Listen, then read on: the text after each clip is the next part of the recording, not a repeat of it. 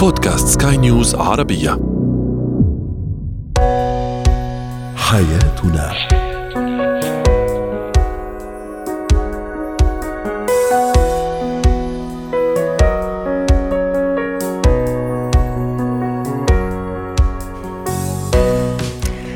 معكم آسيا البشارة أحييكم وأرحب بكم في عدد جديد من برنامج حياتنا. نهتم فيه بشؤون حياتكم بكل تفاصيلها ومختلف مجالاتها.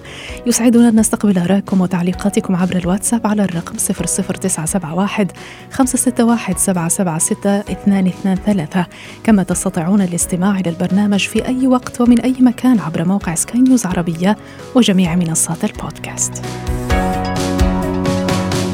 هو وهي.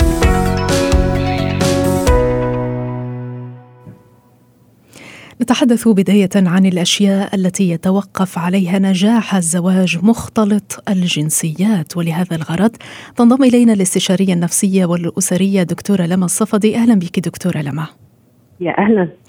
طرحنا على متابعينا على ال social media سؤال كالتالي متى ينجح الزواج مختلط الجنسيات؟ سنبدأ بتلك التعليقات المتشائمة نوعا ما. يقول إمام والله ما فيش حاجة مضمون النجاح مضمون النجاح اليومين دول. فتح يقول على أساس إنه الزواج من نفس الجنسية ناجح. ورأي آخر لرافد يقول أكثر هذه الأنواع من الزواج معرضة للطلاق بسبب التقاليد المختلفة جذريا.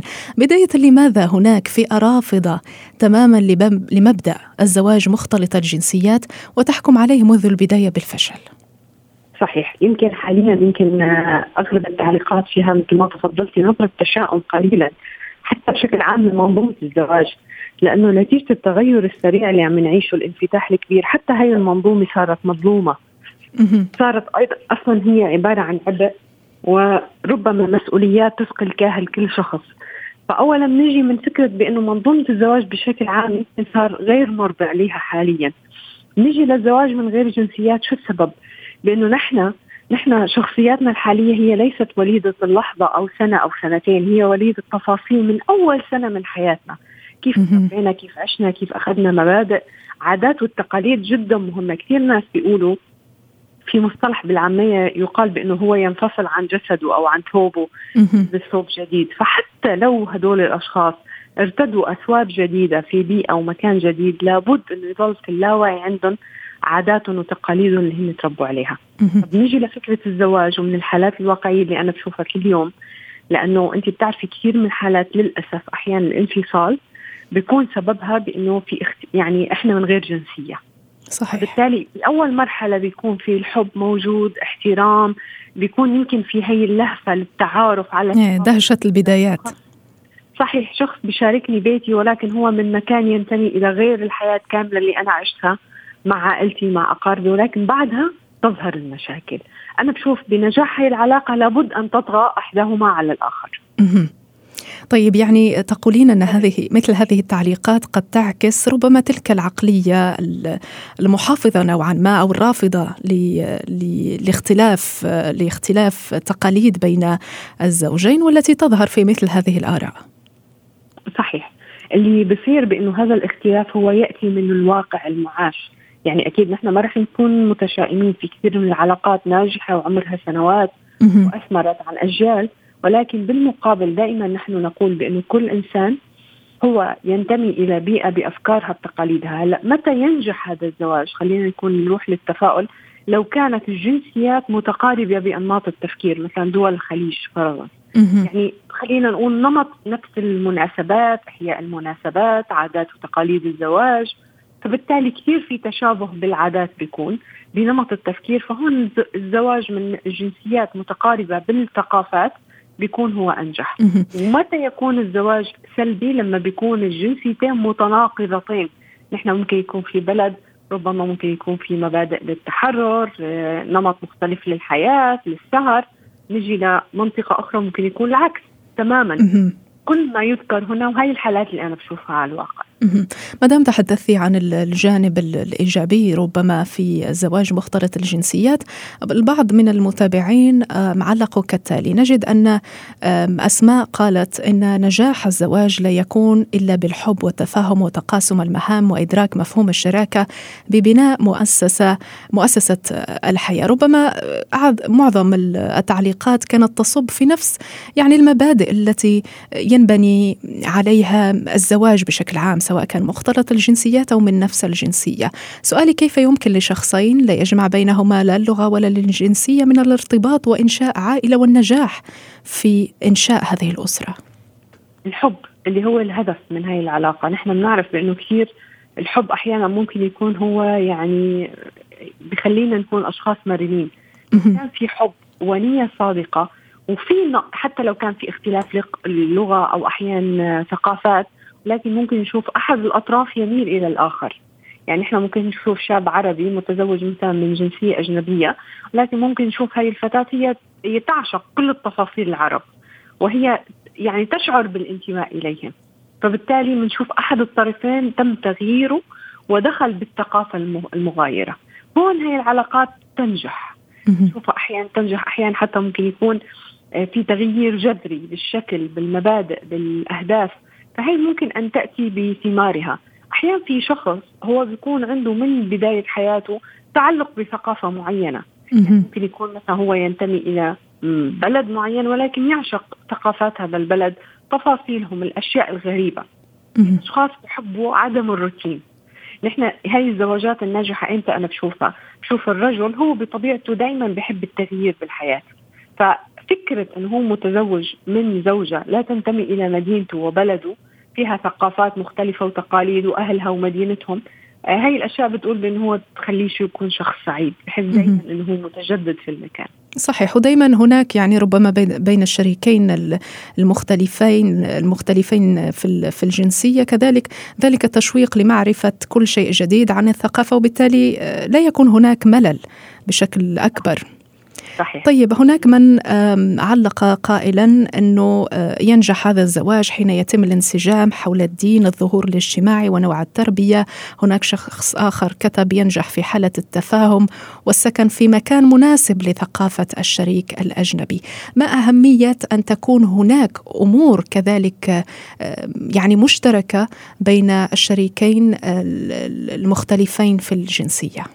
صحيح. أنا أؤيد الرأي الأول وأنا معه فعلا قلبا وقالبا بأنه هذا آه، اللي أنا بشوفه أرض الواقع من الحالات اللي بشوفها كل يوم كأزواج ينجح الزواج من مختلف الجنسيات لو كان في توافق في الدين والمظهر بشكل عام والمبادئ. وهذا الزواج لا ينجح لو كان كل ما سبق غير موجود. صحيح. يعني لو كان في اختلاف على المبادئ الدينية مبادئ اللي إلها علاقة باللباس مبادئ لها علاقة بالقواعد الأولويات في الحياة. هون اللي أنا بشوفها أزواج بيوصلوا لمرحلة الانفصال. آه، بدءا من زوجة هي بترفض ارتداء ملابس معينة تتبع إلى منطقة معينة. من زوجة ترفض أنه هي تكون ضمن تقاليد وعادات والعكس صحيح. طيب أحيانا دكتورة لما لنختم آه، يعني أحيانا تكون المؤثرات السلبية من آه، من محيط الزوجين. يعني هما هما سيكونان متفاهمين لكن ربما تكون هناك تأثيرات سلبية من الخارج. كيف يمكن يتغلب الزواج مختلط الجنسيات على السلبيات الاجتماعية من عنصرية وصور نمطية لدى المجتمعات؟ المحافظة تحديدا وهنا آه، نتكلم عن المجتمعات المحافظة يعني من في الجانب السلبي. صحيح نحن هون هذا الموضوع جدا مهم. ومتى يظهر التأثير الأكبر لما يصير في أولاد؟ أحيانا يتم عزل الأولاد نفيهم عدم الاعتراف فيهم نفسيا يعني وعدم تقبلهم. فهون للأسف تحدث المشكلة الأكبر اللي تؤدي للانفصال. آه أنت بتعرفي بالحالات اللي بشوفها أغلب حالات الانفصال تأتي بعد وجود الأطفال. صحيح. لأنه وجود طفل بيخلي الأم أو الأب بيزيد انتمائهم له لما أنا يزيد انتمائي لي بصير أنا الموضوع يمكن أنا شخصيا تكيفت ولكن لا أسمح لابني بأنه يمر بأي ظروف سيئة أو عدم تقبل. جدا مهم تقبل المحيطين لهذا الزواج لهيك الزواجات الناجحة هي تتمتع بقبول عائلي من المحيطين. نعم وقد نخصص دكتورة لما يعني حلقة خاصة على كيفية تربية الأبناء في وجود زوجين من مختلف آه، الجنسيات. نشكرك جزيلا الاستشارية النفسية والأسرية دكتورة لما الصفدي. زينة الحياة. في عدد من البلدان حول العالم بدأت العطلة المدرسية وسيحصل الوالدين وأطفالهم على راحة من الاستيقاظ باكرا وسيرتاح الطفل من الواجبات المدرسية من الامتحانات والمراجعات التي لا تنتهي. لكن السؤال الذي يطرحه كثيرون هل يجب أن يدرس الطفل في عطلة المدرسة أم يستريح ليعيد شحن طاقته ويستمر بدفعة أقوى في عامه الدراسة أو في عامه الدراسي؟ نتعرف آه، على الإجابة مع الخبيرة التربوية الدكتورة هبة شركس أهلا بك دكتورة دكتورة هبة إذا آه، نتحدث اليوم عن آه، تدريس الأطفال خلال عطلة المدارس في نظرك هل هذا الأمر صحي للأطفال؟ والله هو تدريس الأطفال المناهج الدراسية في وقت الأجازة يعني أمر غير مرغوب فيه لأن دي فترة من الفترات اللي المفروض الأطفال يستجموا فيها المفروض ينوعوا أنشطتهم. يعني آه الإنسان مش المفروض إن هو يكون ناجح في مجال واحد فقط ومركز كل طاقته في مجال واحد فقط لكن إحنا محتاجين للتنويع وللثراء. والمعرفة والاكتشاف والراحة والعقل بيشتغل في يعني في أوقات اللي بيكون مرتاح فيها وما عندوش ضغوط بيشتغل بشكل مختلف عن لما بيشتغل وقت الضغط. مش بقول بيشتغل أفضل أو أسوأ لكن هي طريقة مختلفة لعمل العقل في أوقات الراحة. فلو أخذنا الأطفال آه، لمتحف آه، وطلعنا على على الشاطئ وبعدين لعبنا في حديقة ورحنا اكتشفنا حاجة أو اتفرجنا على موفي أو فالتنوع والثراء اللي ممكن يحصل في الأجازة هو مفيد لعقل الطفل ولنمائه ولصحته النفسية والجسدية والعقلية أكتر من إن أنا آه، أكرس الأجازة لمثلا مراجعة أو مذاكرة بعض الدروس اللي مثلا هياخدها في في في الترم القادم. لأن ده طبعا بيشكل ضغط نفسي على الطفل. صحيح ممكن يعمل له آه، إعداد للفترة القادمة واحيانا بنحتاج لأن إحنا ندي للاطفال بعض الاشياء الدراسيه لو كان عندهم مشاكل دراسيه معينه عايزين نحلها فهيبقى جزء من الإجازة لحل هذه المشاكل الدراسية بالاتفاق مع الأبناء إن أنت عندك مشكلة وعايزين نساعدك إنك تحلها. فإيه رأيك لو استقطعنا جزء من وقت ال ال الإجازة علشان نعمل نحل هذه المشكلة أو نلحق على زمايلك أو تكمل حاجة ناقصاك؟ لو ما فيش هذه الضرورة وهذا الاضطرار فالأفضل إن أنا أوسع مدارك الطفل وأوسع اهتماماته أخليه يكتشف شخصيته أخليه يكتشف العالم من حوله آه، أخليه يستمتع لأن الاستمتاع حاجة مهمة برضو في الحياة. الناس مش بس تركز على الجانب الأكاديمي فقط أخليه يمارس رياضات أخليه يعمل عمل تطوعي أخليه يعمل حاجة خيرية. يعني كل القيم المتكاملة للشخصية ممكن إن أنا أغرسها آه، في فترات من الهدوء والراحة والمرح والسعادة مش بس تحت طيب دكتورة هبة أنت تشيرين إلى أنه يمكن أن يكون هناك تعليم ودراسة لكن في أجواء غير مدرسية ربما كما سبق وذكرتي في المتاحف في المعارض وتحدثتي أيضا عن مهارات يمكن أن يتعلمها الأطفال أثناء هذه العطلة. أعطينا أمثلة على هذه المهارات التي تفيد الطفل حتى في دراسته.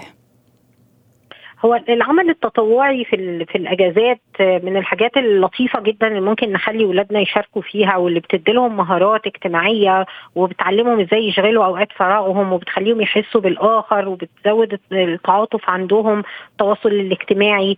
آه الأنشطة المختلفة التنوع والثراء. ان إحنا ممكن نشوف آه آه يعني نروح متحف آه ممكن نروح أماكن ثقافية ممكن نحضر معارض تكون موجودة ممكن ندخل نتفرج على movie movies تكون هادفة. آه يعني نقعد مع بعض. مهم قوي قوي إن إحنا نقعد مع بعض إحنا واولادنا ونرتب ونخطط مع بعض للأجازة لأن الأجازة اللي ما فيهاش تخطيط بتضيع وإحنا بس بننام ونقوم وكذا ويحصل خلاف ما بيننا وما بين ولادنا. خصوصا لو كان أعمارهم كبيرة بيبقى هم عندهم خططهم الشخصية. اللي ممكن تكون أنا جاية الأجازة فهنام وقت طويل وهلعب على الأجهزة الإلكترونية وقت أطول وهلتقي بأصدقائي بس ممكن ممكن هو ما يكونش عنده بلانز إن هو يتقابل مع العيلة الكبيرة يصل رحمه يلعب رياضة معينة يمارس نشاط معين يخرج مع الأسرة يقضي وقت مع أسرته. يعني ممكن يكون يغيب. عن أذهانهم هذه الأنشطة أو يعتبروها إن هي حاجة هتكون مملة وغير ممتعة لو كانت طبعا في أجواء مشحونة وأجواء من الضغوطات. فلو قعدنا مع الولاد وخططنا أنتوا بتحلموا في إيه في الأجازة وحطينا بطاقات وكل واحد كتب في البطاقة بتاعته هو عايز يعمل إيه في في الأجازة أكتر من بطاقة عايز على كل بطاقة كتب حاجة والأهل كمان يشاركوا ببطاقاتهم وحطينا البطاقات دي كلها على الطاولة وبدأنا نشوف إزاي ننظم وقت الإجازة بإن إحنا ننفذ كل ما هو موجود أو أكبر آه كم من الأشياء المقترحة بحيث إن الكل يكون سعيد وما كانش هدف الأهل فقط الضغط على الأبناء ولا هدفنا المتعة. هم عايزين يستمتعوا. فلو بنقضي وقت مع العيلة يبقى وقت ممتع. لو بنروح متحف يبقى مكان ممتع. لو بنخش نتفرج على موفي هادف يبقى برضو كمان ممتع. فمهم كمان إن إحنا نهتم باهتماماتهم ونبدي أولوياتهم في اختياراتنا علشان يستمتعوا معانا عشان نقدر نقضي وقت نوعي جيد مع الأسرة ونبني ذكريات الأجازة. طيب دكتورة هبة العطلة الدراسية الموسمية يعني قصيرة مقارنة بالعطلة الدراسية الصيفية مثلا لكن هذا لا يعني أنها خالية من الصعوبات والعوائق عند العودة إلى المدرسة من جديد ما هي الأمور التي يجب القيام بها أثناء هذه العطلة القصيرة العطلة الدراسية الموسمية لتفادي أن تكون هناك صعوبات في عودة الأطفال إلى المدارس؟ في العطلات القصيرة إحنا دايما بنوصي إن ما تغيروش نمط الحياة يعني مواعيد النوم والاستيقاظ ومواعيد ال ال ال الأكل وال يعني الجدول والروتين اللي إحنا بذلنا مجهود علشان نعود الولاد عليه بعد إجازة الصيف اللي بتمتد من شهرين لثلاثة آه لما يبقى عندنا إجازة قصيرة مدتها آه أسبوع أو اتنين فمش مش الصح إن إحنا نلحق في الإجازة دي نغير الروتين ونرجع نعيد الروتين من أول وجديد. فده بيخلي آه يعني الساعة البيولوجية للأطفال والأسرة كلها آه في خطر. فالأفضل طبعا إن إحنا نحافظ على الروتين بتاعنا. ما بقولش نصحى الساعة 6 الصبح بس مش لازم برضو كمان نصحى بعد الظهر. نعم. لو حصل بس تغيير في في الأوقات يكون التغيير ده طفيف. آه إن إحنا نفضل آه عارفين إن يعني دي أجازة قصيرة آه متذكرين ده. نختار أنشطة تناسب الأجازة وتناسب الفترة الزمنية دي. نعم. شكرا جزيلا لك الخبيرة التربوية الدكتورة هبة شركس على كل هذه النصائح. مهارات الحياة. لماذا قد نشعر أننا لا نستحق أكثر؟ كيف تؤثر نظرتنا لذاتنا وثقتنا بأنفسنا على شعورنا بالاستحقاق أو الأحقية؟ وما هي طرق تعزيز الثقة بالنفس وأساليب رفع الشعور بالاستحقاق؟ هذه الأسئلة وأخرى نحملها إلى مدربة مهارات الحياة الأستاذة نور هشام. أهلا بك أستاذة نور. اذا كلنا معرضون للشعور بالإجهاد وانخفاض تقدير الذات في بعض الأوقات لكن بالنسبة للبعض قد يكون الشعور بعدم الجدارة والاستحقاق هو الأصل. مما يجعلهم يوقفون تطور أي فرص جيدة سواء كانت علاقات فرص عمل أو حتى نجاحات لشعورهم بعدم استحقاقهم لتلك النجاحات. في نظرك ما الأسباب التي وصلت بهذه الفئة لتدمر ذلك الشعور بالاستحقاق؟ أهلا فيك وبجميع المستمعين. طبعا الموضوع جدا رائع. في البداية بدنا نتفق على إنه اللي حنتكلم عنه لأنه في الموضوع فيه شوي فلسفة على مصطلح الاستحقاق. فبتلاقي في ناس عندهم موضوع الاستحقاق بمعنى إنه أنا العالم كله مدين لإلي بشيء معين وأنا حظي ما إلي حظ في هاي الحياة والكل لازم يعطيني كل أهدافي يحقق لي إياها بدون ما يكون في سعي مني نحو تحقيق هاي الأهداف. لكن الأمر اللي إحنا حنحكي عنه اليوم زي ما حضرتك ذكرتي هو موضوع ثقتي بنفسي وتقديري لذاتي هذا اللي حنركز عليه. قد أنا بستحق يكون في عندي تقدير للذات وثقة بالنفس تنبع من داخلي أكثر من ما أنها تنبع من الأشخاص اللي حوالي أو من التجارب أو البيئة المحيطة فيها. فلو حنحكي أول شيء حنعرف شو هو الاستحقاق فهو مدى تقديري لذاتي وثقتي بنفسي. ومدى تصالحي مع نفسي وشعوري بقيمتها بحيث إنه أقدر بهاي النفس أتجاوز أي تحديات أو أي مشاكل أو أي إخفاقات قد تواجهني فيما بعد وبنفس الوقت أستطيع إني آخذ وأعمل على أي فرصة جديدة مهما كانت صعبة. ليش بعض الأشخاص بتلاقيهم بيشعروا انه هم خلينا نقول مصطلح الدونية انه هم أقل من الآخرين، من وين اجى عندهم هذا الشعور؟ قد يكون السبب هو التربية في الطفولة، آه، ممكن آه، طريقة تعامل الآباء مع ابنائهم في وقت الطفولة. أدى إنه هذا الطفل دائما يشعر إنه هو آه، لا يستحق إنه يكون شخص جيد أو هو ثقته بنفسه قليلة أو دائما اصدقائه أفضل منه بعض الأباء بتلاقيهم دائما بيقارنوا الطفل بأصدقائه في المدرسة أو بزملائه فالطفل دائما بحس إنه هو قليل وبالتالي بيكبر وبينشأ على شعور عدم الاستحقاق. أحيانا بعض المواقف اللي هي الإخفاقات الماضية قد تكون في الدراسة أو في العمل أو في بعض آه، يعني خلينا نقول نوع من الفشل قد مر منه الشخص قد يكون فشل في علاقة عاطفية في في عمل زي ما قلنا في دراسه الشخص وقف عند هذيك المحطة نعم أو هذا الاخفاق ووقف عنده وما عاد يقدر إنه آه، يتعدى فسيطر عليه شعور آه، الإخفاق في حياته. بعض الأحيان إحنا بنضع لنفسنا آه، نوع من التوقعات اللي هي غير واقعية بخطط لحالي بضع توقعات فما بوصل لهذا التوقع اللي أنا أساسا من البداية كان هو غير واقعي وبالتالي ببدا أشعر إنه أنا لا أستحق أساسا إني أضع هذا التوقع ولا أستحق إني أتقدم ولا يكون عندي ثقه بنفسي. طيب كيف أنا بدي أتعدى هذا الموضوع؟ لأنه طالما الشخص هو ما عنده ثقة بنفسه ما عنده تقدير لذاته فعليا هو لن يستطيع التقدم في أي علاقة أو في أي مجال من مجالات حياته، فلا بد إنه يتعدى هذا الموضوع. أول خطوة هو إنه يعترف إنه هو عنده آه، هذا الشعور، دائما إحنا بنقول نصف الحل أو نصف العلاج هو التشخيص. فأنا أعترف إنه أنا عندي مثلا عدم ثقة بنفسي أو عندي عدم تقدير لذاتي. وهذا لا يعني إنه أنا استسلمت، أنا اعترافي بوجود المشكلة عندي معناته أنا بدأت اسعى إني أنا أبحث عن حل. قد يكون التشخيص مني أنا كشخص. إذا ما عندي خبرة قد يكون من شخص آخر مختص. قد قد ألجأ إلى المساعدة أو طلب العون من شخص آخر مختص. يساعدني على التشخيص ويساعدني على الحل فيما بعد.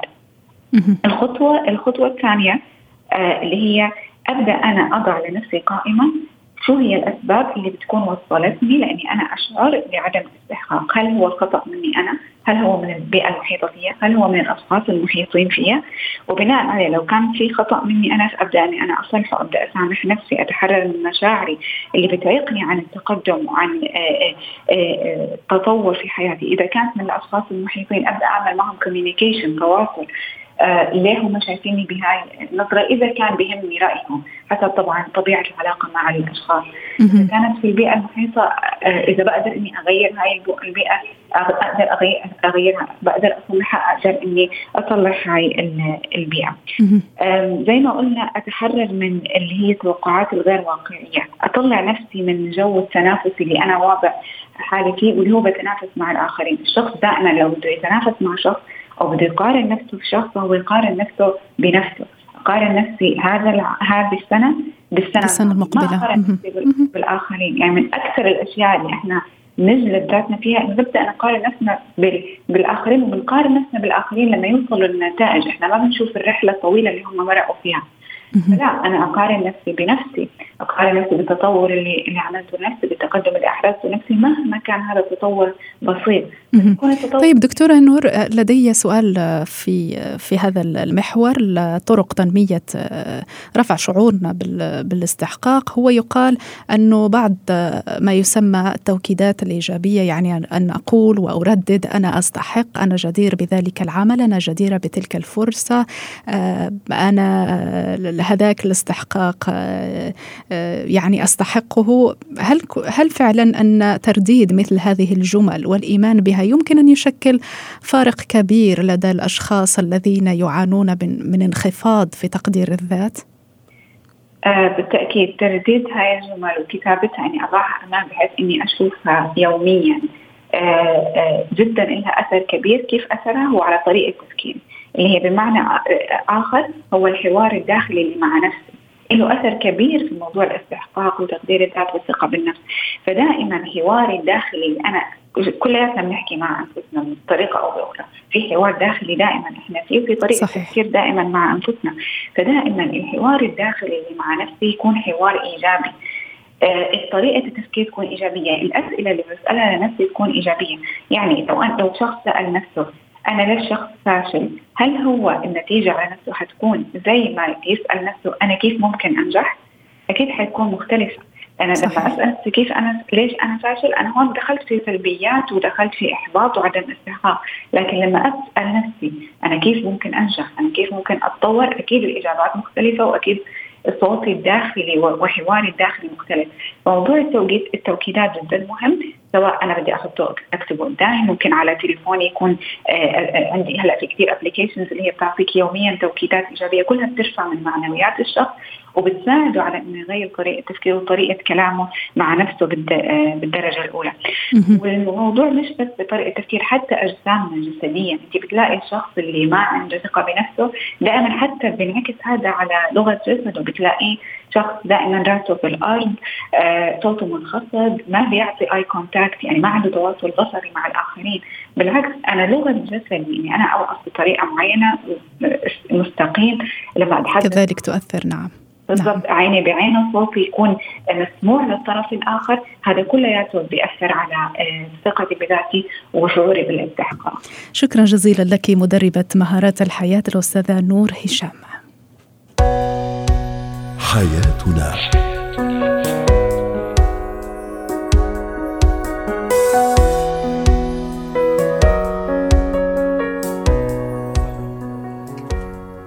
ختام برنامج حياتنا. إلى اللقاء.